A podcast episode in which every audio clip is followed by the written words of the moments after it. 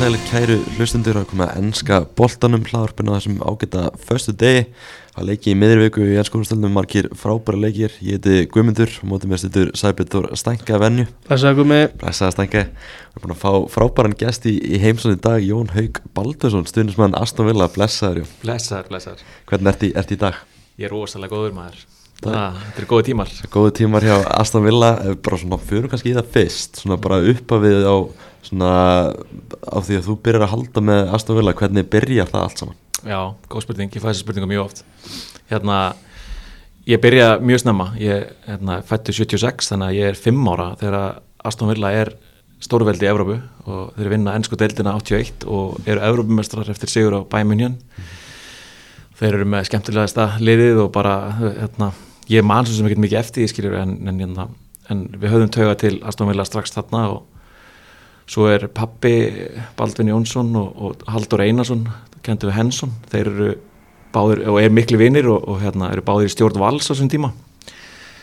Og hérna svo ægslast það þannig að, að þeir mynda vinasambandi við Aston Villa mm -hmm. pappi og, og Dóri Hensson og hérna og enda með því að Aston Villa spilar í Hensson-búningum en í tvö ár held ég allana allan tvö ár, 83 til 85 eh, minna það þá er ég náttúrulega bara batnungur og, og hérna, þú veist eh, verð bara algjör hardcore Villa fan og ég, Aston Villa kemur til Íslands held ég 82 og spila við val í Európa-kefni og þá var náttúrulega pappi og Dóri þá kynnast þér þeim og þar fekk ég eitt af þessar leikmenn, þessar hetjur og þannig að hérna svo var ég hérna, þannig ég, já, þetta er fyrstu kynna að vilja, svo var ég í ansi mörg ár svona velta þessu fyrir mig hvort það hefði verið gott val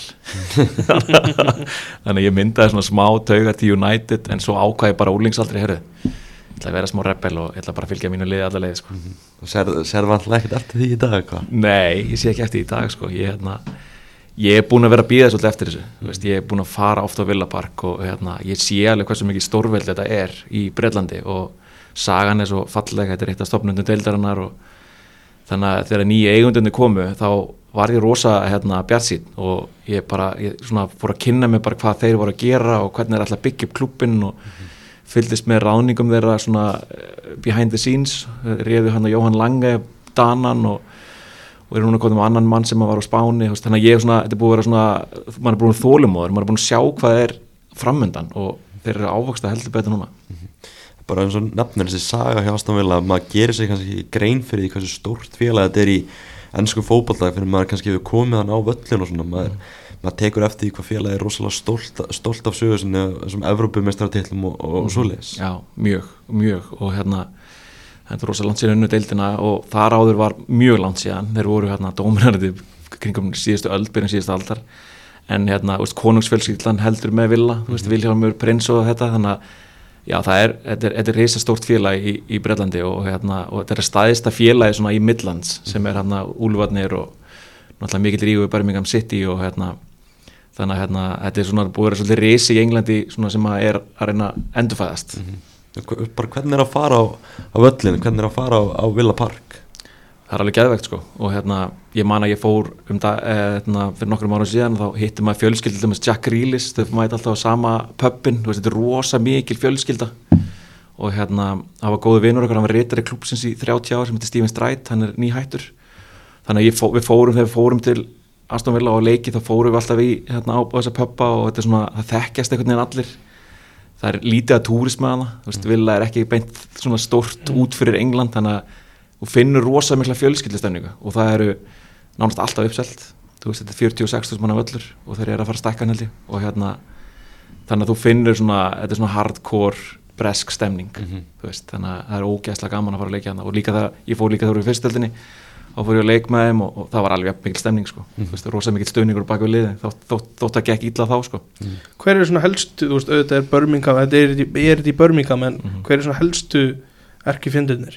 Alveg klárulega Birmingham City það er hatur hann á velli hérna, en svo er það Úlvarnir, svo er það Vestbrom og það er svona þessu þrjúlið sem er mesta svona, já, samkeppnin og rígurinn á milli En þú veist, núna Birmingham í, í næstöfstu deild er þá rígurinn alveg sterkur samt? Já, já. mjög, mm. mjög það er alveg, alveg frækt atvik það sem að, þú veist, ég manna vilja skóraði motið Birmingham og síðustu mínutu í Birmingham Jack Reilly skóraði og það var bara, þú veist af því hann er svona lokal latt sko þannig að þetta er alveg ég bara, með draumur minn er að fara um þetta darbi sko. Var það leikurinn þarna það sem var kildur Já, aftan? Já. Það er náttúrulega eftirminnlegu leikur sko. Já. rosalega sko. En svona, en svona bara, ég veist, í minningunni hefur farið, farið ofta á Vila Parkur eitthvað svona sérstakar minningar frá, frá vellin Uh, já, eh, ekkert eitthvað svona leikur sem að stendur upp úr sko. ég, ég hef einu sinni síðan að vinna hana. Ég er búin að fara nokkur sinnum. Og hérna, það var á móti minni mig held að það verið, það er svo langt síðan sem Newcastle sko. en hérna, en síðasti leikur fór ég á móti var á móti Chelsea, þá fór ég með krakkana mína. Ég var að gera þá að Villafans sem að gekk ekki vel. Töfum móti Chelsea. En þannig að ég, já, ég hef ekki séð marga segjuleiki á það En eh, þú veist, er eitthvað svona uppáhalds leikmenn í gegnum tíðina? Já, mjög margir. Uh, Fyrsti var Tony Daly. Mm. veit ekki hvað þið muni eftir honum, hann var ógeðslega fljótur svona kantari, svo, svo kom Dwight York, dýrkaði hann. Uh, svo var gæðir svo Lee Hendry, hann var veist, svona lokal gaur, uh, dýrkaði Jack Grealish. Um, svo eru svona útlendingarnir sem ég fíla mest þarna, það var hérna Juan Pablo Angel veist, og Martin Larsen og Jó Ólaf Melberg Já. þeir, þeir eru alveg svona í guðatölu og Jóhann, hérna, Jóhann, eh, Jón Karúf. Þetta er svona ákveðin nostalgía þegar þú segir þessi nöfn sko. Já, einmitt. Juan Pablo Angel. Já. sko. Já, gleyma og honum þetta þátti mjög framústundulegt ég vilja að ná í Suður Ameríkumann þetta er mm. fyrsti alveg Suður Ameríkumann sem kemur til vilja þannig að hérna, þannig að hérna, já, mjög margir sko, Stan Collymore, hann er ég veit ekki hvað það er fylgismennum á Twitter Já, hann, jú, jú. já, hann er die hard villa fan sko, það var geðvegt að fá hann til villa, þú veist, hann átti kannski ekki sín bestu, bestu daga að það en, en hérna, það er bara svo gaman að fá hann í klúbin einhver svona sem að hefur ekki verið jafnpriðina í gegnum tíðina, eitthvað svo vilt nefna? Um, já, það er ógeðslega margir. Ég man að sorglegast að var við sinni Luke Nílis, belgan og hann var rosa stór kaup og hann meittist í fyrsta leik, sleit crossband. Það var ræðilegt að því að við báttum mikla vonu við hann um, ég glemdi að minnast á Gareth Barry hann var mikið uppáld uh, þú hafa komið náttúrulega ótrúlega upp á síðkasti kannski þegar við vorum í, í hérna vorum að falla þá keiftum við alveg eitthvað fáránlega leikmenn og mjög mikið af svona bjetildar Mm. svona leikmönnum þannig að það er enginn sem stendur upp og sem að var alveg svona eitthvað skelfilegur sko. Nei. þannig að hérna, en það verið mjög mörg slæmkaup Það er svona Aston Villa á Ísland Það er svona ákveðin saga þarna milli eins og nefnir hann að Henson hann búningarnir þú veist, bara svona hugsa í dag bara hvernig, hvernig gerðist það eiginlega? ég held þetta að verið þegar Aston Villa kemur um, til Íslands spila mæti val þá, hérna, þá myndast eitthvað svona tengsla milli Já. og klúbana og, hérna, og Dóri var bara svo mikill frumkvöðul og, og hérna, atverkusamur að hann bara tengist þarna beint inn í klúbin og hérna, Doug Ellis kynnist honum eiganda klúbsins og hérna og það var alveg að mæta Villa Park með Dóri Hensson þetta var bara svo að mæta með David Beckham sko. og bara, hann var algjör stjarnar sko, og hérna og já, og Hensson var í útráðsum sem tíma og hérna, ég, þannig að þetta byrjar, byrjar í gegnum val. Svo náttúrulega spilaður Aston Villa líka inn á Íslandi síðar mútið FH hérna lögðarsælli það er svona leikur sem er mann eftir sko. Nákvæmlega, einmitt, ég fór um þann leik. Það var mjög skemmtilegt. Og hérna og félagi minn Tommy Nílsen einmitt spilaði þann leik og ég er mikið búin að spyrja hvernig það hefur verið að mæta mínu mönnum. Og hann talaði einmitt um að vera, spila Villa Park hafi verið svona ógleymalegt Já, það, man, man, það var eitthvað í BBC sem talaði um að hvað var ekki Asli Jóng sem var hann að elda Höskuld Eiríksson? Jú. já, já, Það er ekki að tala um til að bara Höskuld Eiríksson þetta er bara hætt í En það fyrir kannski bara var ekki síðasti kaplinn í sér sögu tengda Íslandi, er það ekki Birki Bjarnason? Jú, Jú. Birki og hvernig var að fá Íslandi í, í félagi það var klikkað. Reyndar var þetta annar íslendingur en Jói Kalli kom. Já, auðvitað, Já. já, hann var að undan. Já, Jói Kalli var geggjaður, hann skoraði tvö mörg sem eru algjörlega, ég held að þau séu ennþá á topp tíu listana með fallistu mörg á Villa Park sko, ungarspilna og löngufæri sko. Og eitt langskott Eh, að fá Birki var geðveikt og það það kom sem á kippur í Aston Villa klubbin á Íslandi. Mm. við fengum fullt af nýjum hérna, meðlemum og, og hérna mér fannst hann staðað sér geðvægslega vel. Mér fannst hérna, hann spilaði mikið á miðjunni miðsvæðinu, mér fannst það að vera mjög góð staða fyrir hann mér fannst svolítið ósækjant að hérna, hann hafi ekki fengið hérna, áframhaldi á samningnum en, hérna, en hann var rosa vinsallatna sko. og geggjaði að fá hann. Aston Villa klubburinn á Íslandi eh, þú nefndir hann aðeins áður við hófum upp upptöku mm er, þetta- er þið mikið að hittast og, og svona? Við, það er hérna, það er að bætast aðeins í áhugan að hittast og hérna, nei, við höfum ekki verið mikið að hittast við erum mikið að tala saman á Facebook og hérna, þeirra leikir eru og mikið að byrta og og deila skoðanum okkar á klubnum hver hann er stattur en við erum svona að fara að rífi því að hittast því að það nú er gaman. Þannig að það er alveg plönun núna. Mm Núna er, eins og segir, núna er heldur betur gaman í Aston Villa. Já, Þið eru í þriðastætti með 32 stið eftir bara magna sigur um að mann sitt í núna í vikunni. Þessi, þessi sitt í leikur svona maður, maður hugsa alveg fyrir leikin að þetta gæti, gæti dottið í Aston Villa sigur en Mhm. hann er eða svona sannfærandi að endar 1-0 en frammestaðan mm var rosalega, rosalega sannfærandi. Já, mjög. Og það er einhvern veginn, ég var að ríða upp í gæði sko, það eru bara allir að spila ógeðslega vel, það er reikalega mikið sjálfstyrst í liðinu. Og hérna, ég var sannfæður um sigur, þú veist, ég sá að Rodri var ekki með og það munar um hann og eitthvað meðsli í gangi líka og, og hérna hann ég var alveg sannfæður um sigur. Og ég meina Villa Park núna eru 14 leikir röð á þess að það var tapað á móti hverju þau töpuð? Í- sko, heimaðalli Já. Já, það ég var að fletta þessu upp þessan spyrja. Já. Það var þetta Arsenal í februar Það er bara rosalegt rönn sko. Já, það er rosalegt sko. það er rosalegt sko. við eigum Arsenal á lögadaginn Mm. þannig að hérna, já. Þannig að ég, já, þetta er bara ég, ég vel að sjaldan sé svona mikið og gott rönn hjá Villa, ég man alltaf eftir því sko. bara hver, svona horfir á þetta utanfrá, bara hver er ástæðan fyrir þessu? Þessu frábæra rönni sem þeir eru á? Já, bara útrúlega einfalt að sára því að bara hún að Emery held ég. Ég, þú veist, ég ég hafði ekki mikla trú á, á Dean Smith þó svo hann hafi komið liðinu upp ég, hvernig, það var engin struktúr á liðinu. Uh, þegar Steven Gerrard kemur þá er ríkalega mikil spenna og, og mikla væntingar gera til hans mögulega full miklar að því hann er nýrþjálfari hann byrjar ógslag vel hann á smá í þessu gengi leysins í dag, hann fær Kamara veist, frýtt og Kamara er orðaði við United og fleiri liðskilur hann að ná honum. Og mér skilst að hann hafi mætt bara til Kamara heim til hans og þá bara tekur hann ákvörðum að koma til Villa.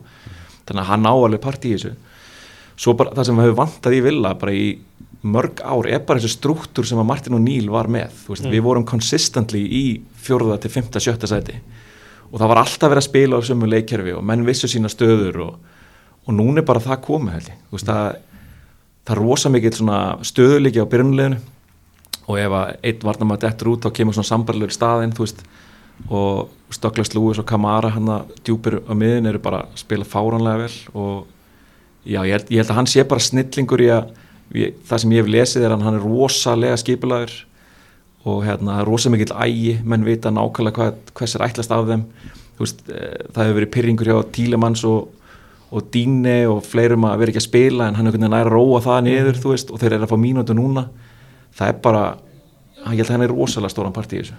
Og, og líka bara, ég held að hann hefði fengið mér í tæmi á Arsenal, þú veist, þá, þá var hann auðvitað einn af þessum stóru stóru í dag sko, en ég held að hann bara sé einn af þeim bestu í heiminum sko. þetta, þetta er rosa áhugavert með Una Emery að þegar hann er hjá Arsenal þá er rosa mikið bara grín gert á hann, að- hvernig hann kemur fyrir og, og svona, hann er bara fer aftur til Spánar, kemur svo aftur til Englands og hann heldur betur einhvern veginn búin að vinna í sér og er Já. orðin bara eins og segir, bara einn, einn af þessum stóru bara í heiminum. Nákvæmlega og ég held að það gert honum vel að bara fara aftur til spánar, ná þessu rekordi með Sevilla menna það er ennþá gert gríðan hvernig hann talar, það er náttúrulega mjög fyndið hvernig hann er alltaf, veist, good evening og good afternoon og veist, hann er svo kurteins og kemur eitthvað svo vel fyrir.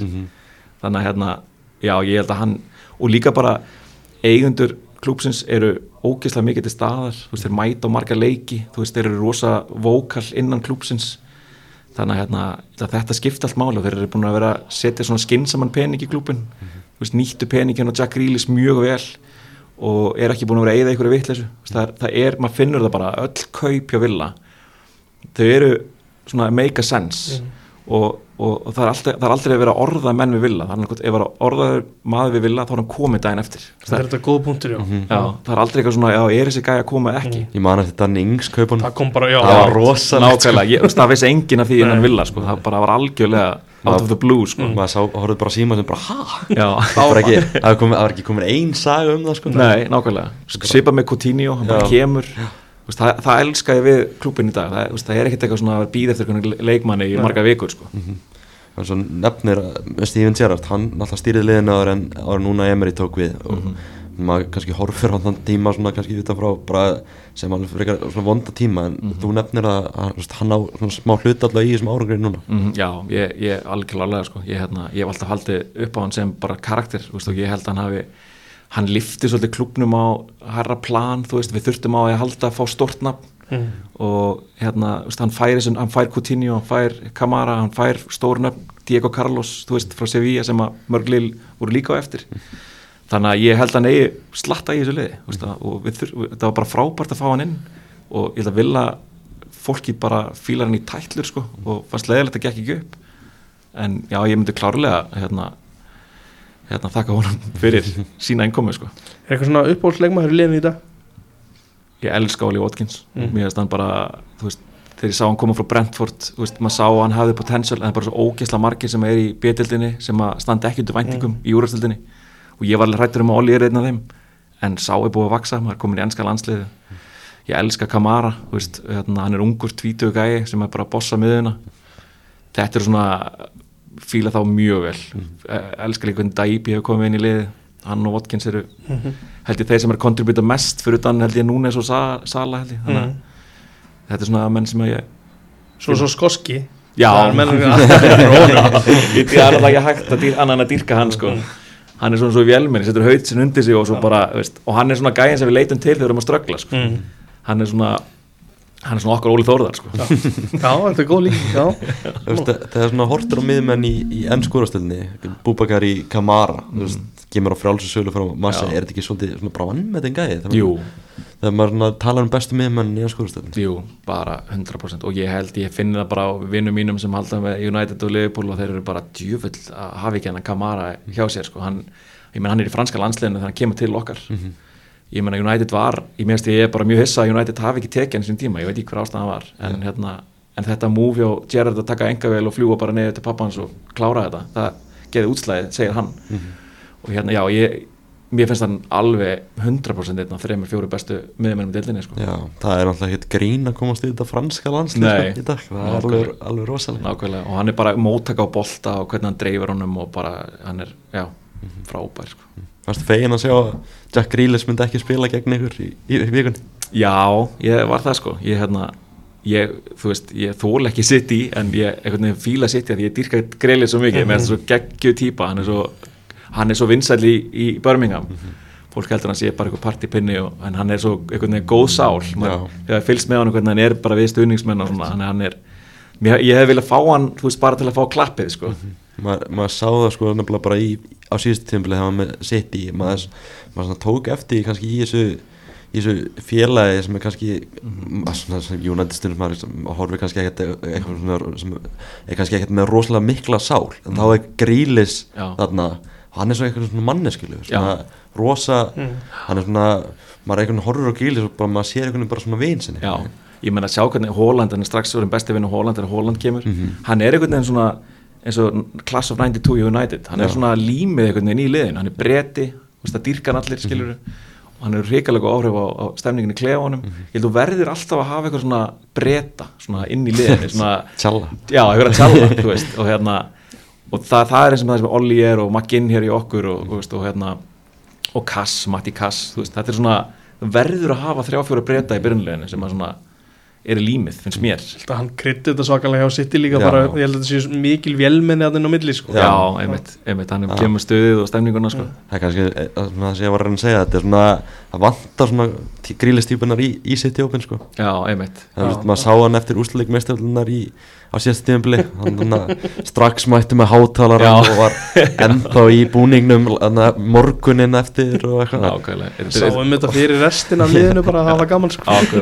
Ég heldur með að þetta er svona gæja sem að Pochettino þarf að halda Já. af því að klefin á Chelsea, er já. leiðilegsti klefi mm. bara í Englandi, Já. það þarf svona eitt grílis til er grílist að kveikja í þessu sko. En bara, veist, hvernig var bara fyrir það að horfa á Aston Villa? Bara, veist, eftir allt sem liðið gengi í gegnum bara fara niður í Championship og Mhm. ströggla svolítið í Premier League og, og svolítið bara vinna sitt í bara með yfirbreynd bara Já. miklu, miklu, miklu betra liðið inn á vellinum. Já, það var klikkað, við hefum átt svona leiki ég veist, við vinnum Liverpool 7-2 þú veist, við eigum stundum svona alveg fáranlega leiki.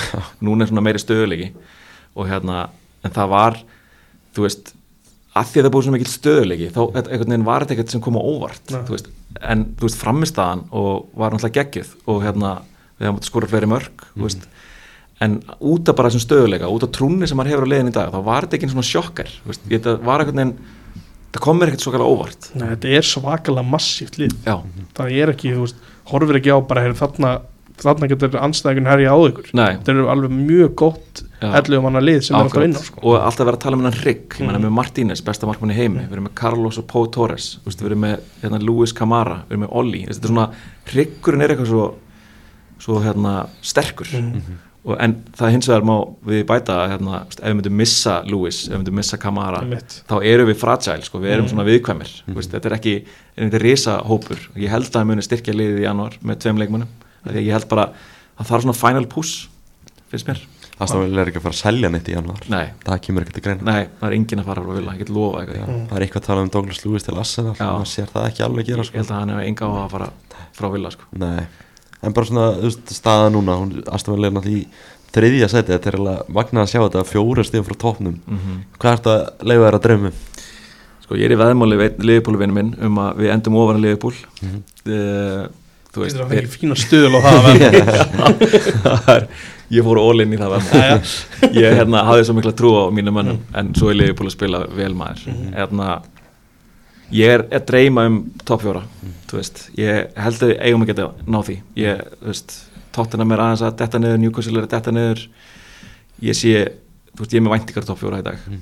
Hvernig væri bara að sjá það að Aston Villa komist aftur í meistaröldin? það var ekki ekki að sko, það var æðislegt sko. Við erum heima þar, Heyra, heyra meistarölda söngin, söngin á, á Villa Park. Já, það það var kom, það komið tími til sko. Þegar lið er að spila svona vel í deildinni þú veist, ertu alveg vel peppar líka fyrir Evrópuleikjunum eða eitthvað, þú veist, er það aðeins það er aðeins svona fyrir neðan Já, það er það sko. Við vorum í leiðinlegu riðli Við vorum með aðsetta Alkmaar reyndar En svo ykkur pólsku liði og ég man ekki sem hvað þriða liði var sko. Þannig að ég Þú veist, hann er að spila á varleginu Þú veist, Já. hann er að sp- spila á mönnum sem að þurfa mínútur Og það er einmitt svo perfekt við Una Emery Hann, hann keipti hann að langlega frá Barcelona Mm. og fleiri Þeir spila alla erubuleikina Það eru bara sáttu með það mm. Þannig að hérna Þannig að þetta er að virka vel Þú veist, og hérna En núna eru við komnir í hérna, útsláttar í Európu þannig að það verður að vera aðeins meira spennandi og ég, minna, að ná þeim byggar að vera klikkað já, mitt Þannig að bara Aston Villa náttúrulega það er búið ótrúlega gaman að fylgjast með þessu. Næsti leikur er á móti Arsenal. Mm og maður, það er rosalega að fylgjast með Arsenal þessa stundina. Um, og stuðnismennum þeirra það er gaman að fylgjast með þeim. Uh, mjög hvernig, skemmtilegt mjög mjög skemmtilegt orðað þannig. Fylgjast með. Hvernig, hvern, veistu, hvernig leikar þetta búast við, búast við þar? Náttúrulega eins og tölum á hann heima allar Villa er búin að vera alveg ótrúlegur. Já, við erum ekki að tapa hans leik. Alls ekki. Mm. Ég, hérna, Arteta er í banni held ég. Það ekki? Jú. Jú, hann er, fekk bann fyrir að fagna of mikið. Er það er mjög steikt Það er verið að taka alltaf tilfinningar úr þessu sporti sko, Það er ræðilegt Svo sá ég að hann var að funda eitthvað með ennska knarspinu sem hann í gær út af Aston Villa. Nei, þarna út af núkasúlumælunum hann um daginn. Það getur verið að fara í ennþá lengra Já, bann þetta er, þetta er ofleðilegt sko. Ég hérna Ég býst þess Við erum ekki að fara að tapa úst, Við mögulega hérna, vinnum hennar leik. Ég- Mjög líksett Það er ógeðslega bara svona fyrir hlutlega Það er ógeðslega skemmtilegt að Aston Villa myndi vinna hana leik. Já, ég Það er mjög að því sko. Já, Myndi er- komast einu stíði frá, frá toppnum Leopold kemst þá kannski á toppnum Það mun á tveimu stíðum já, Þannig að þetta er bara ógeðslega jæmt og spennandi. Við tölum kannski aðeins um, um City Þeir eru núna 60 frá toppnum. Uh, maður, er búin að, maður er farin að heyra ímsu tala um það að- að City sé ekki samanlega í fyrra. Mm. mm. Ég veit ekki alveg svona, hverju maður á, á að trúa með þá sko. var ekki sitt í unnu þeir ekki einhverjum 14 leiki í röð eftir áramóti þeir geta alveg ennþá unnið þetta sko. Ég er það ekki bara líklegast ég ætla það ekki svona odds on sko. En ég held að sé það er ekki jafn líklegt og í fyrra að þeir myndu ná Arsenal. Maður var eiginlega, ég var nokkuð samfæður í landi, já. Er ekki alveg jafn samfæður núna. Nei. Ég, ég, ég horfi ógeðslega mikið á andlega þáttin í þessu og fyrir mér bara lið sem er búin að vinna þrefalt, það er bara ekki eins mikið hungur í gangi. Hungrið er hjá Liverpool og Arsenal og smá hjá Aston Villa finnst mér. Og það mun held ég skipa, skipta sköpum. Þú veist bara, ég svona svolítið tipp á Arsenal vinni deildina. Þetta verður Arsenal Liverpool held ég. Mm. ég, ég á, bara, á ekki Aston Villa smá möguleika? Jú, þú veist, ég ætla bara að láta mig drema það. Menna að þeir vinna alltaf leikja akkurat. Ég, hérna, já, ég hef ekki trú á City. Þú veist, ég, hérna, ég veit ekki hvað það er en ég bara hef ekki trú á það sko. Veistu, eitt vandaði sitt mér veist, svona leikmaður stóru hlutverki sem kom inn í sumar sem er hungraður Mhm. Mér finnst það er engin nei, Guardiol hefur aðeins verið að spila hann er samt ekki inn, þú veist, hann er ekki einn af 11 bestu finnst mér sko. nei, og ég meðist kaupin og Kovacic ekki góð skilur staðan fyrir Já. Gundogan Gundogan gæðin sem að klára alltaf leiki hérna fyrir á loka mínúndunum, þú veist ég, þú veist, mér veist er ekki einn sterkir sko. og þessi Akanji til að spila honum á miðinni náttúrulega dettur út, út af því hluturki þegar Rodri kemur aftur inn. Það vantar náttúrulega bara að replacea líka meira þú veist að þeir missa Mares Gundogan eins og Mhm. svo segir, Mhm. þeir fá í rauninni ekkert inn fyrir Mares Nei, Nei, nákvæmlega. Fór Doku en mér fannst vanta einnig viðbútt í breytt sko fram á því. Já, samanlega náttúrulega City búið að vinna þegar í þessari röð held að segur Alex Ferguson hafa aldrei unnið fjórusnum í röð. Er, Nei, þetta það er er smá trikki sko. Já, Já. ég held að sé, mér ekki gerast sko. Gardiola fórum mitt yfir það að eng- enginn náði þessu fjóru sem í röð. Nei, Gary Neville, Neville tók það bara á sig. Baðast afsöknu og hafa ekki náði já, nákvæmlega. Kurteis.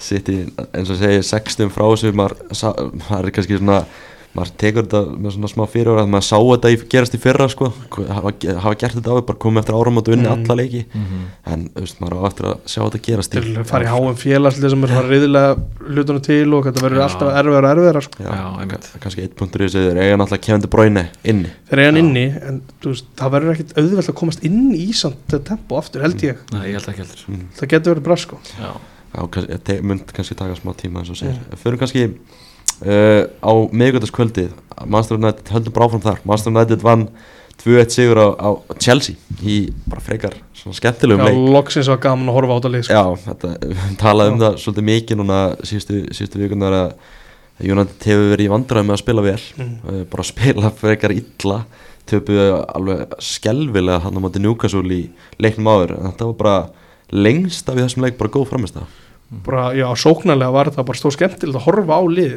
En á móti var þetta eins og nánast gata sér tilbaka sko, en það slapp til sem var bara mjög gaman að horfa á sko.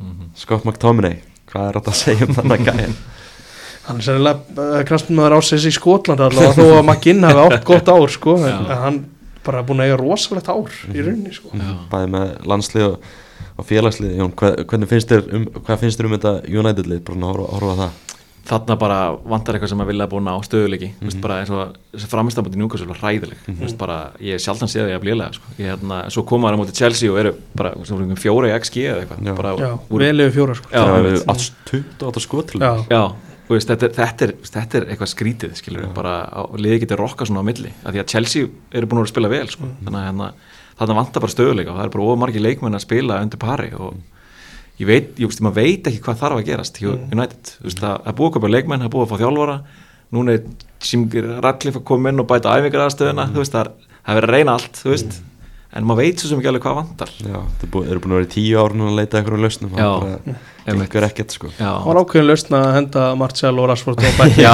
það sást bara á tempóinu í liðinu allt annað að horfa sko. Já, og þetta með Rashford var einn besti leikmann í deildinni fyrra og svo Já, bara getur hann ekkert í dag. Mm þetta er ótrúlega Já, skrítið ég var að hugsa um þetta en sko maður svona fyrir leikja sýstinum að hugsa um bara svona já, já, Rashford er að fara klára þetta fyrir United. Já. bara, svo er hann bara orðin bara bekkjamáti núna einhvern veginn og getur ekki, getur ekki neitt sko. og þa þarna finnst mér bara eitthvað að í þjálfun. Þú veist, þarna er þjálfarinn eitthvað að klikka. Þegar Já, við sammála. að Rashford er geggjaði leikmann af hverju er hann ekki að performa? Þú veist, þetta er bara þjálfarinn, finnst mér. Vantar, vantar upp á sjálfstöldið Rasmus Haulund það er náttúrulega svolítið mikið tala um hann núna hvað hann er búin að fara í gegnum hvað tíu leikir núna? Á þess að skora í, í 11 leik, að skora í, í deildinni. Er þetta, er þetta áhugjefnast ég fyrir hann held ég en á meðan þú veist eins og ef þessi leikur hefði ekki unnist þá var hann bara hvað, hvernig getur frammeirinn ekki verið að skora? Þú veist en ef hann er að svona eins og var í fyriráleik sérstaklega þá þú veist það er fínt. Mér finnst það að vera nóg fyrir mig fyrir sem fremsti maður. En hann náttúrulega gata ekki allan leikinn og hann mætti alveg fara að skora sko. Já, ég ég hef ekki segja sko. ég hef ekki ágjörð á hann mér finnst það að vera, veist, hann er svona að setja vinnun í það, Já. hann er að djöblast og Ég hann er að skapa. sko. Já, ég held það líka en Chelsea liðið eins og nefndir á hann Jón þannig að vanta karakter í þetta lið það er alveg bara einhvern veginn augljóst þegar maður horfir á þetta þú veist, Mudrik, Nicholas Jackson Moises Caicedo, Cole Palmer þetta eru allt ágætis fótballtamenn Mhm. en það, þú veist, það er engin karakter í þessu liði. Reyndar er þessi Cole Palmer algjör snillingur Já, hann er flott hann er flott ég held að það sé rosa flottur sko. hann er með eitthvað attitút og hann er með svona slatan attitút og hérna þú veist ég held að þurfa að setja meira ábyrð á hann þú veist, og hérna já en annars er þetta svolítið karakterslöð stið þú veist mér þú veist þetta er búið að vera ómikið af nýju leikmönnum og hérna Enzo er líka geggjaða karakter þú veist það þarf einhvern veginn að láta þessa gæja blómstra. Þeir eru að koma til finnst mér. Mér finnst þeir eru að spila betur. Komið svona Pochettino bræður á þessu. Það vantar einhvern veginn samt svona smá upp á þetta nefndir áðan líka stöðuleikin Mm. það vantar heldur betur hjá Já. Chelsea. Þess að upplýja Chelsea fannst mér alveg hörmung margóft samt þegar það gengur. Þá náttúrulega var þetta eins og ég segi gata sér til hinum mm Mhm. þeir eru svona að finna eitthvað svona eitthvað myndlið hvernig er ég að gera þetta Mhm. en að þú kom, komst með Hólandi ég hefði meira ágjur af frendansann og Jackson bara, ég skil ekki hann að sko. Nei, eins og væntingarnir voru miklar Mm, wow. maður finnur líka að Chelsea stundum eru svona smá að gefast upp á hann Já, ég sko. skil Já. það sko Já, ég held að get ekki beðið eftir að fá einn kongu inn í þetta sko. Nei, ég held að hann hefði verið eitt svo hérna, mest keifti og í fantasy fyrir sísónu sko. Hann hefði bara mikla trú á honum sko. Það er heldur betur ekki að skila sér þess að stundina og þú veist, þegar hann skora þá svona, er þetta bara líka færi sem hann verður að skora sko. Og spörsmörkin. Spörsmörkin, þá var hann búin að hann getað skorað örugglega svona 5-6 mörkið þeimleik sko. Uh, já, bara flottur sigur hjá United og þeir eru einhvern veginn, þremu stigum eftir Man City. Ég ma ma veit ekki alveg hvernig það, það gerðist en Mm. það gerðist. Já, það er já. það er ótrúlegt. Og líka eins og mjög United að þeir eru miklu betri stöðu en maður myndi halda sko. Mm. alveg ótrúlega dæmi. Það er uh, ekki eitthvað með klassist að það er verið í bransi með Bormóð samt? Já, Já, maður sér einhvern veginn ekki sigur þar sko. Nei, nei, það kemur í ljós hvernig það verður. Maður hefur allavega meiri trú á Aston Villa ekki en Arsenal. Já, það verður spennandi. Við ströggluðum með Bormóð, ég held að það gert þetta blið Bormóð er að koma að reynda Já. það heitir inn sko Uh, Arsenal, eins og myndast á aðan þeir eru á topnum þeir uh, leikur umförunar var líklega þannig á kjænlega rót svakalegu þrjú, leikur. það var alveg galinn fótballleikur Arsenal kemst þannig yfir snemma. Luton jafnar strax, Arsenal kemst aftur yfir. Maðurinn sem segir að helsti styrkleika sé ekki að skora mörg Gabriel Jesus skora Mhm. mm. uh, en Luton nær að snúa leiknum við í 3-2 já, Ross Barkley og Andrus Townsend þarna. Það er dræja þess að hjálpa þeim. Það var dræja heldur betur að hjálpa þeim. Einmitt. svona svo tilraun er ekki að virka það þessi er eitthvað svona að væri samt rosa vond held ég að fara tilbaka nú. Mm. mm. ég, veit, ég veit það ekki, þetta er eitthvað trikki sko. já, hvernig, hvernig hann taklar þetta? Menn var að tala um að, að Arteta hefði nú átt að taka hann í kikkin og, og setja Ramstil bara inn á hann í leiknum já, Hann það hefði nýtt að verið það hefði svona verið eitthvað sem hann nefndi mitt að hafa vilja að skipta um markmann er í leik, að gera sko. Já, hann já. langaði að gera þarna var kannski tíminn til þess að gera það Einmitt. En spáði hvað erfitt að vera markmaður í dag Já. Það er bara ein mistök Hvað gera við útileikminu mörg mistök í leik Já. En það er ein mistök, einu markmanni Já. Þá bara, þú veist, það er all hellæn á því já, sérstaklega líka hjá svona sem að eru und, undir smásjáni sko. Já, hjá stóri liðan þá er þetta allt taka menn eftir öllu sko. Já, okkur, það er ræðilegt Ræðilegt stað á vellinum sko. svo margir, þú veist, markmenn reynda þú veist, Allison, Ederson er alveg komið með smá forgjöf Mhm. ef það gerist eitthvað, það er alltaf í lagi Martínez líka já, þeir sem, já, já. þeir sem er að sanna sig þá er þetta bras sko. Já, ef þeir gera eitthvað þá taka allir eftir í þannig að 60 myndi þá datt mann ekki í huga að opna Twitter, exit. Hvað hafa þetta skorað nei, maður maður ítt á mjúta nokkra. Hann er að tróða svo hann er byrjað að skora helling sko. Og þarna ég hugsaði í lokin í restina. Ekki eitthvað var víti eða Havertz vinnir. Já, svo kom bara Declan Rice. Já, hann að, já, Dekla Ræs skora hann að 97. myndu United mennur á Twitter voru alveg brjálæðir vildi að dómarinn hefði flautað þetta af. Ég sko, ég, menn ég, er, eru menn samt að grínast eða? þetta er alltaf að tala um lámark í 6 mínútur. Og þeir eru bara í sók sko. Hvað var þetta, 6 myndur og 20 það sekundur er eða ekkert að setja út á þetta. Nei, samanlega ég veist þetta er rosalega rembíkur ef menn eru í, hal- eru í alvörunni að, að negla á þessu sko. Nei. Uh, Já, Dekla Ræs skora nætti sendingu frá Martin Öðugard og maður sá okkur en þegar Öðugard var að senda boltan fyrir því að þetta er bara frá enda í marki. Það er bara einhvern veginn verið geggjaði bolti. Já, bara frábær bolti og þetta er bara einhvern veginn saga lútun á tíðanbílinu að slenda í þessu sko. Mhm. bara veist, vera inn í leiknum komast yfir og tapar um endanum sko. já, þeir áttu bara ekki jafn mikið eftir og, og Arsenal á tangnum sko. Mhm. það, það var mér og sá, sá að Twitter að stundismenn Arsenal eru byrjaðar með GoFundMe page fyrir Declan. Rice. Alltaf borga 25 miljonar punta til viðbóta fyrir hann. Hann er búin að var bargin bargin, búin að vera frábæra þessi tíum hann er búin að vera geggjaður að vera að segjast. Borgu 105 miljonar punta fyrir hann í sumar. Ég held að hann sé var allavega dýrasti leikmar í sögu ennskólasteldarnar svo var það með bætt þegar mér varst það líka bara var fram, fram að markinu svona síðasta hálftíman þá er hann að, að hefja allar sóknir og vinna allar bolt búin að vera mjög góður fyrir utan mörkin líka sko. Já, Mm. þetta er kannski bara svona, þetta er karakterin sem Arsenal þurfti til að taka næsta skref klálega, hann var líka ekki þú veist, hann var ekki hluta liðinni fyrra sem hann með missir þetta frá sér Mhm. hann kemur með nýja orku inn í þetta og sjálfstöðsett í botni bara þegar unni byggar með, með vestam sko. Mhm. Nákvæmlega uh, Wolves vann hann að Börlei líka á, á, á, á, á þriðdagskvöldi 1-0 Börnlei ennþá, ennþá að ströggla Já, Börnlei vinnur bara mútið verstu liðanum í deildinni, það virðist vera mm -hmm. Börnlei hann með, með sjö stig í nýjum sæti og þetta verðist bara einhvern veginn vera sérstaklega eftir gerðkvöldi Mm. þetta verðist vera bara eiginlega gerðnælt hvað liður að fara niður sko. Já, ég held að koma að staðarind þarna eftir hennar leik eftir 15 umferðir, er þetta ekki 15 umferðir komnar? Jú. Jú. Þá, það er ekkert lið haldið sér uppi með hennar Sheffield Nei. Mhm. þannig að Sheffield og Burnley eru bara að fara niður Já. Sem er svo sem ekki, ég er ekki hennar fréttir en, en þú veist, tölv, bara sagan segir þeir halda sér ekki Nei. Gary O'Neill að gera, gera flott starf þannig með ég glemdi kannski minnast á hann punkt á hann að svona, þetta markja Arsenal mm.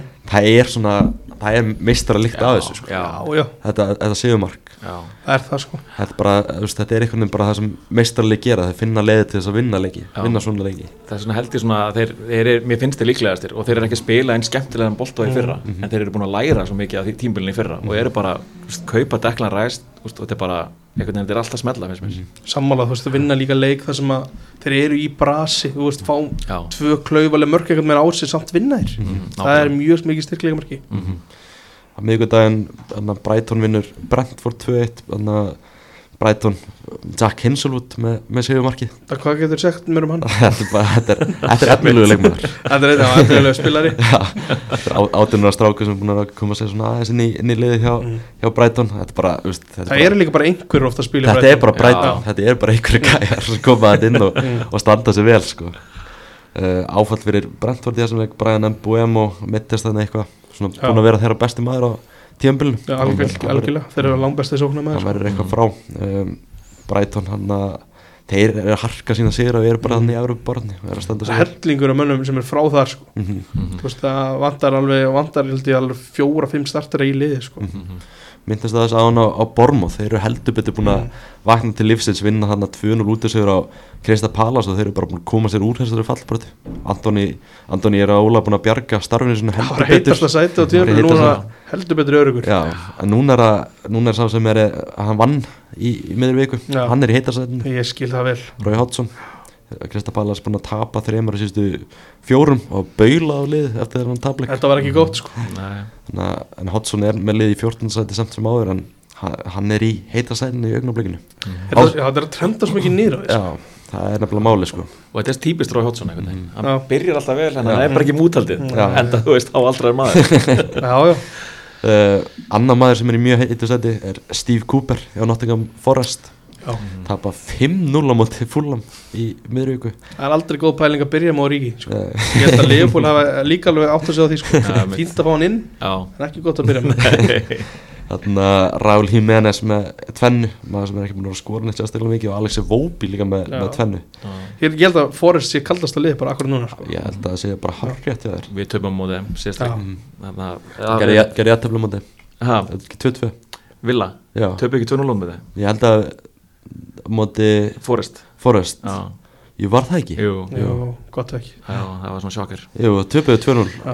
Þetta er- Það, það sem vantar strax svo mikið í og ef Amoni er ekki með sko Mhm. búin að vera náttúrulega meittur núna og verður áfram. Mhm, svo vissi líka Chris Woody sem er tæpur og byrjar ekki þennan leik. Mhm. ekki það, þú veist, það er alveg samt heiminn að hafa á milli þeirra finnst mér. Mhm. svo er enn verið að vera með Origi fram í sko það Já. breytir öllu í sóknarleik. Já, maður sá þarna að mynda því þarna samfélagsmiðlum að eigandi Forrest það mætti þannig á völlin og fór þannig greinlega í flýti. Hann Mm. hendi einhvernum passa sem var með í einhverju ruslatunni þannig að Steve Cooper er ekkert í neinum rosalega góðum málum að fréttur um það á Englandi að hann fái eitt leik til þess að verka starfinu. Og hvaða leikur er það? það er Wolves á útvöldi. Ekkert auðvöldur leikur. Nei, þetta er sem bara samt alveg 50-50, eitthvað til þannig Forrest ekkert verið góður útvöldi samt. Nei, svo sem ekki Julian Lopetegui fyrrum stjóri Wolves orðaði við Nottingham Forest. Þannig að Ok, hvað hva, gerist í þessu, það er góð spurning. Uh, og Leopold vinna svona 2-0 út sigur á Sheffield United, þeir eru að standa sig heldur betur vel núna. Virgil van Dijk skorar uh, fyrsta markið eftir sendingu frá Trent Alexander Arnold. Tók hann að hotspunni með plömmur. Já, þetta var mjög aðtilsett allt svo það er spurning hvort þetta hafi verið eitthvað munun eða eitthvað. Það er bara ge- gerði niður þessi fyrir hotspunna mjög aðeinsvægt Ég held að það væri einhver editiruð mynd sko, það væri ekki satt sko. Nei. þetta var ótrúlega dæmi sko. Þarna, og Dominik Sobaslæg klárar þetta hann í lokin, ekkert besti leikurinn hjá Liverpool en þeir, þeir klára þetta. Mér finnst þetta, mitt, ég hugsaði líka mitt svona mestarabræður á þessu sko, því að þetta var alveg hundleðilegt en vinna þetta. Og Sheffield voru sem aldrei eitthvað líklegir sko. ég veist það ekki þeir eru náttúrulega búin að breyta um þjálfara. Já. maður, maður sér það samt ekki breyta neinu fyrir hann, þetta er bara langvesta liðið í deildin bara illa manna lið sko. illa manna lið sko. Og eins og tala um Jónaðan, það er bara góður fílingur í, í kringum þetta liðupulið Já, það er þannig sko, ég meina, mér finnst alltaf eiga Darvin Núnes inni, mm þegar maður myndi vera að nýta þessi færi, þá væri þetta heitasti gæðin í deildinni held ég sko. Kom inn með hjarta þessum leik og Já. vinnur boltan og Já, leggur upp ógæslega markið. vel gert hjá honum sko. Já. ég hugsaði fyrst að þetta er brot Já, því að ég er ekki með hann í fantasy sko, þannig Nei. ég hugsaði ekki leifa þessu markastanda en mér, svo er þetta ekki brot, ég held að þetta bara Nei. vel, vel gert hjá honum. ríkilega vel gert hjá honum sko svo Van Dijk var það eitthvað Nei, markinu. mér fannst það ekki sko. Nei. Mér fannst Það það er ekki, bara- ekki brot sko. maður, þreytist einhvern veginn ekki að tala um bara hvað, hvað Liverpool hefur gert einhvern veginn bara vel á þessu tíðanbili með hvernig svona staðan var fyrir tíðanbili Mhm. fór í mikla breytingar og það var svona, svona smá panik í kringum liði upp að tíðanbils Mhm. en þeir bara hafa gert ótrúlega vel svona einhvern veginn Klopp að reysa skútin af og, og bara, bara þetta þetta er bara í góðum gýr. Já, þeir fylgjast með á Villa Park Já, og stefna á toppsæti stefna að komast á toppin og gaman að fylgjast með Trentan á miðinni Já. hann spila ógæslega vel í Já, staðana sko. mjög heitur núna sko. Já, algjörlega flottur í, í þessu nýja Mm. hlutverki sem hann er í Mm. það standa sig vel Jürgen Klopp og hvað bara að rífast aðeins við einhvern fréttamann hann eftir, eftir leik Mm. hann að fréttamaður Amazon Sports grínaðast aðeins með hann upp á sleiktíminn hjá Klopp væri 12.30 í háttegin á lögutum. Klopp tók ekki vel í það sko sko ég bjóði í Breitlandi í fjögur ár, ég var í skólaðar og hérna, breski húmórin er indislegur Mhm. og hann er búin að búa hann í átta ár. Hann skulle ekki aðeins kveikja og grínast með þetta og taka banterinn mér finnst það ríkala súrt hjá er, klopp sko. þetta er þjóðverðin sko. Veit. tekur ekki vel í það sko. Þetta er eitt af sem hefur líka bara setið hvað mest í honum bara, allan sem tíma hjá Liverpool sko. Akkurat, og breytinni mitt veit að Já. hann elskar aðeins að þetta bota þú veist, og viðbröðin voru bara ég held að fjölmjölandi munu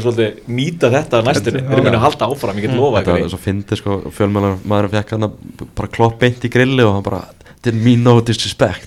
Það var bara klopp var ennþá bara reyður út já, sko. já, þetta var alveg þetta, rosalega að breytandi fíla þetta ekki, hann, að hann skulle ekki hafa húmór sko. ég held að hann muni vera mjög forveitin að fylgjast með næstu vikum og viðtölum við hann sko. og breytanir er nefnilega eins og segir með mikinn húmor. Mjög mikinn er húmor, gaman að fylgjast með já, Ég sá að púlarar voru ekki hrifnin af Simon Hooper og flautinni Nei, Það var eitthvað brota á Alexis Já. sem fór svo meittur út af. Það kemur nefnilega ekki óvart að Saman Húber sé að valda Ég óvart skrifast finnst það óvænt að hann fái þennan leik. Bara eftir atriðið hann í lokinu hjá City já, sko, móti það er alveg ótrúlegt sko. Það er alveg ótrúlegt. dæmi. uh, og góð afgræslega á sopa slæ Mhm. þú veist að ég veit hann er einn á móti honum en hann setur hann í skeitin bara í þetta er típiskur hann þetta sko er alveg slút sko. típiskur hann sko. Mm.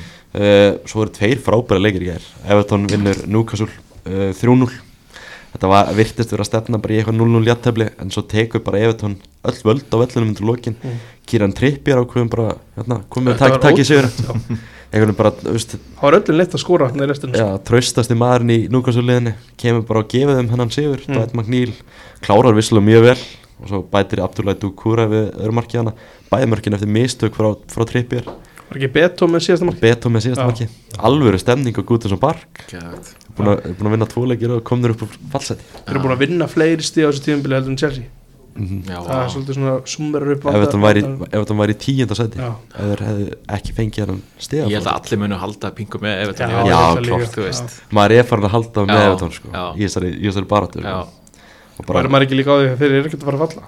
Nei, þeir Já. ekki með þessi liði ég hugsaði samt fyrir tíumbili þeir gætu fallið. Já. áður en fengur svo refsing Já. þeir eru bara búin að vera bara nokkuð góðir. Þeir eru búin að koma hann á óvart sko. Já, bara, gaman að sjá hvað Sean Dice er búin að koma vel tilbaka líka. Mikið sem ég held að hann dýrki að vera með Abdullah Dukuri það er hans maður. Já, og þarna, þessi miðja bara líka. Dukuri og Idrissa Gana Gay. Svo var hann með Asli Jóng á miðinni og, og Nana. Já, það var hann með henni Já, um daginn, já. Hann er magnaður Asli, ja, hann, Asli Jóng bara byrja alla leiki líka. Já, það er, ég finnst það mjög Svo aðtilsvægt held ég ekki bara að þetta sé miðvarapar sem hann elskar. Brandveit og Brandfjörð Tarkovski er geggjar og við vissum alltaf með hans samband við Tarkovski Já, Brandfjörð er bara mjög góður sko. þarna Jordan Pickford þessar stuttbuxur sem hann er í. Já, hann er með toga er bara upp á maga Það er alveg, þetta ekki að fíla þetta nei ég veit ekki alveg með þetta lukk hjá hann sko. Hann er að standa sig vel. Já, já, Jordan Pickford sko. Og svo er þarna Tottenham Vestham 1-2 já, uh, ég sá, eitthvað minnbrot í gera það var eitthvað franskri sjóasútsendingu þannig að annar markið sem James Ward Prowse skorar já, lýsandinn talaði um Spursi já Þetta er mjög svona eitthvað mjög slisalegt og ég held að það sé mín þú veist meiningin með þessu sko. Já, af hverju tek, þú veist fer við Karjúki og bara grípur boltan og fær bara gulspjaldi ég veit það ekki sko þetta er skrítið atrið sko. Mhm. þetta er afskaplega, afskaplega klauvalegt og þú veist menn eru svolítið mikið fannir að tala um Tottenham núna ja, þú veist mm. alltaf þessi leikur hann á móti Chelsea það er alltaf braut á svolítið voru, voru á toppnum þá það sko tímapunkti. braut á sko leikmannanlega séð en þú veist ekki þú veist leikstilslega eða trúin held ég af ekkert farið Mm, Mhm. en bara þú veist þegar vandar þessi gæði þá það breytir svo miklu sko. mhm. Mhm. Alltaf vanta bara tvo mikilvægstu leikmennina í liðið Mattesson og Van de Ven. Mhm. já, það hefur bara greiðlega greiðlega áhrif. Þeir eru náttúrulega búin að tapa fjórum á síðustu fimm. Mhm. Þetta er einn af þeim rosalegt. var náttúrulega á móti Aston Villa þar sem að þeir áttu sko styrlaðan fyrirháleik. Geð þeir hefði getað skorað þrjú fjögur Já, algjörlega sko. Mm. var það ekki bara eitt skemmtilegsta leiku tíðan Ég held að Mm. það, veist, þetta er bæði lið sem spila mjög sambarlega bolta. Já. Línendum voru báða mjög háa sko. Þetta var algjör veistla sko. Martínis Bergakur hann alveg bara já, ég held að þetta mark hann í uppbúti tíma fyrirháleik það hefði svolítið farið með þetta sko. Sammála. Þetta- tíu rángstöðum Já, Son kom með þrenni í bull, sko. Við erum mjög stoltir af því Aston Villa menn við erum með sérst búin að vera að veiða flest, mest dýra rángstöðu gildurnar Já, gert. Tottenham núka svo næst og spurning hvort þeir komast aftur á Silverbreyk uh, eini leikurinn sem er ekki búin að tapa síðustu fimm er á móti Man City. Já, nei, Tottenham segja þrjú- þrjú í jafntefli. Já, þessi, þessi tvölið Tottenham og Newcastle þetta er svona Newcastle er sko með eitthvað aflegt gengið út já, þetta er lið sem er svona smá brotin einhvern veginn, þó, Já, þó, nú, já. þó Newcastle hafi unni Manchester United og unni Mm. Chelsea töpun alltaf búin borðum á líka um daginn þar sem Já, voru bara yfirspilaðir sko. mm. þannig að það er alveg mjög fyrir Tottenham að komast aftur á Sigurbreyt þar Klálega, en það er samt eitthvað Ég held að Son hafi farið mittur á velli í, í gær og ég, þú veist, þegar hann dettur út á fyrst mér vanta svolítið mjög mikið sko. David Challisson kemur hann inn Já, það er, já, það segir þetta bara þessu sko. það er ekkert að fara nána út í það. Alltaf alveg frábært að fá þessa leiki núna í, í miðri viku. Bara, það lífgar heldur betur upp á vikuna í, í skamdeginu Eldur betur maður eftir þetta langa landsleikilega áttu við þetta skilið sko. Mm. Fá góða viku. Og ennska úrstundin bara spilast ógeðslega skemmtilega þessu, þessu tíðumbili uh, topparinn æsi spennandi einhvern veginn akkurat núna er þetta þryggja fjörulega baróta og hver er nefna Master United þá blanda sér í. Já, ekki, ekki fara að skrifa okkur út af þessu sko. uh, spennandi umferð framöndan núna um helgina. Krista Pallas Leopold háttegisleikurinn á, á morgun. Það áhvert hvort Rói Hotsson að rífa sína menn í gang. Brighton Burnley svo, Negativ. Það er bara Brighton sigur aflust uh, Master United Bournemouth? Ertu bjart sitt stækja? Er það heima allir? Mm -hmm. Já, kannski 1-0 bara. 1-0 Já. Hólund, marki? Nei, held ég ekki. Ekki Bruno bara, Bruno Fernandes. Hann klúður hann nú víta með Chelsea. Já, það var, það var ekki, þetta var ekki gott víti. Nei, það er hviti Alls ekki. Mm. Sheffield United Brentford, þetta er tveir. Já, Alltaf ekki. Já. Ég er, er ennþá horfið bara Sheffield United Þarna jafnið að bæti mitt þeir eru mjög slappir sko. Það eru ógeðslega Já. slappir. Ég veit ekki alveg af, hverju- af hverju Chris Valdi var að plati, plati, plata sig að taka þetta verkefni sko. Var ekki betur, ekki bara betur en að gera ekki neitt. Mm. Þú veist, betur en að vera atvinnulegs Mhm. Þú veist, þú veist þetta verður erfitt og hann bara undirbúin í það. Mm. Svo Wolves Nottingham Forest spurning hvort Steve Cooper missi starfið Þetta er hann leik. Góða líkur á því? Já, er það ekki Ég held að Wolves vinna þann leik sko. Mér finnst þið spila vel. Já, mér finnst það kannski það er Hwang er náttúrulega sjóðandi heitur. Já. Það er ekki komið átt af mörg Jú, hann er búin að raða inn sko. Já. Þetta er svona einhver óvendasta framist Hvaðan kemur þessi gæi? Ég... Var í Leipzig. Hann var að Leipzig. Já, hann var í Akademini Red Bull. Já, já, Mm. hann, að- flottur maður. Hann er að standa sig vel já, komið átta mörg Mm. meðan er kollegi hans Fabio Silva með 0 mörg Já, það er búin að vera sorgarsamt á fyrsta degi sko, því miður. Uh, Já, er það úrsakjað samt ef Steve Cooper missi starfið? Ég veit ekki, mér finnst þetta mér finnst þetta bara að vera svo slæmur taktur í þessu. Ef þeir ætla að reyna að gera eitthvað þá kannski þarf bara ný, nýjan stjóra en þessi hópur er ekkert eitthvað frábær heldur sko. Mm. Gibbs White búin að svíkja hann svolítið á þessu tíðanbili finnst mér, þetta var geggjaður og fyrir var sko. nýju mittur að, Missa að Johnson líka í lók gluggan já, sko. nákvæmlega. Ég myndi leiða hann að klára desember. Þetta er svo töff program framöndan og Mm. erfitt að fá nýja þjálfur eitthvað en Já, hann alltaf Eitthvað sögur um hann hafi sagt sínu nánustu að þetta væri, hann væri nálægt í að fá sparki mér finnst það samt, hann er búin að vinna sér inn Vi- veist, Já, Já, já, tíma, Já. finnst mér, já gerði vel á síðustu tímbil, því kom liðan alltaf upp þetta, er bara svo, þetta gerist bara svo rætt í, í dag og með lítil þólum að sko. Já, alltaf leikurinn sem allra augu verða á hann á lögadaginn kl. 17.30, kvöldleikur Aston Villa, Arsenal, það verður rosalega leikur kvöldleikur líka sko. Já. Nákvæmlega, sko. Þetta verður ógeðslega gaman Olli, að- Olli setur tvö, vinnum 2-0 Við myndum nú þarna, sko. Hver er skorumörkin? Olli, Olli. Bæði. Olli, Olli. um, Og svo hann á sunnudaginn Everton, Chelsea, uh, Fulham, Vestham og Luton Man City, allir leik- leikinni kl.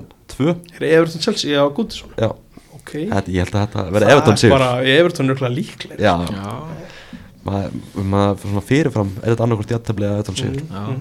Uh, Fúlan Vestam með Lundun og slagur glemdi kannski að minnast á það að bara David Moyes bara gera vel að fara þarna á Tottenham Hotspur Stadium og sækja sigur, hann er bara upp á síkasti Vestam að standa sig askaplega vel. sammála því.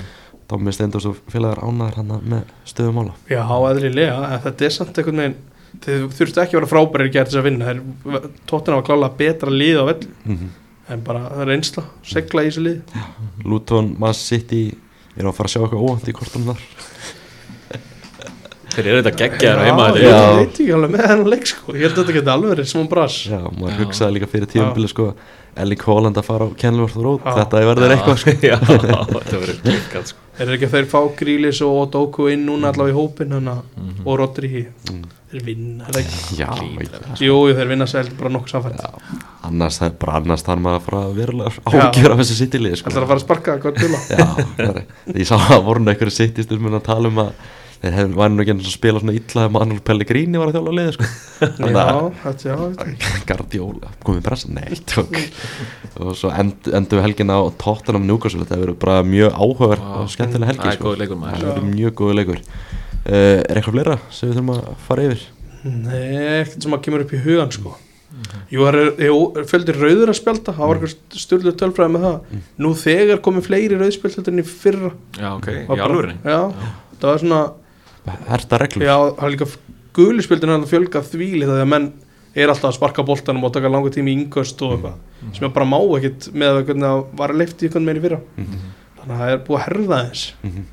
kannski að minnast á eitt í lokin líka Harry Maguire, leikmaður mánaðarins í Já. ennskóðstilni bara ógeðslega gaman að sjá þess að endur komi hjá honum Algjörlega, sko, ég er að fíla þetta í tætlir sko, ég, hérna, maður er alltaf, maður elskar alltaf því underdog sko, og hann er aldrei búin að fá vindin í andlitið sko, þannig að ég, maður er að fíla þetta í tætlir sko. Mm algjörlega, og fekk alltaf bara alla einhvern veginn á móti sér og Já. kom sterkar tilbaka, bara gríðalega sterkur svona persónleiki að gera að það. það, og líka bara að taka ákvörðun að vera áfram í rætið og berjast þér sætið sína, það er svo auðvilt að fara. Núna er hann einhvern veginn bara fyrstum maður á blað. Já, einmitt. bara, bara vel gert. Algjörlega sko. Maður, eins og tölum um stengja, bara maður svona, væri einhvern veginn bara svona pínu ánæður að hann var að fara í vestam í sumar. Já, og svo bara bara, gott til alla aðalega svo er hann bara búin að sokka alla aðra Já, Já, algjörlega sko. Fíla hann sko. Vestam er eitthvað mjög gott miðurpar Mér langaði aðeins að nefna það Þú veist, Zuma missir út af leikinu undan Þá er þetta bara assi Það það munar helling að vera með hann Það er alveg klettur og náttast sko. en Jón, bara takk kærlega fyrir að koma í heimsótt til okkur að ræða Aston Villa. Mín var ánægin, ég er alltaf til að koma að ræða Vaslan Villa. Gaman að gaman að svona, fræðast aðeins meira um þetta og bara gaman að sjá hvað Aston Villa er að standa þessi vel að þetta er risa stórt félag. Algjörlega sko, aftur Villa. Aftur Villa. Takk fyrir að hlusta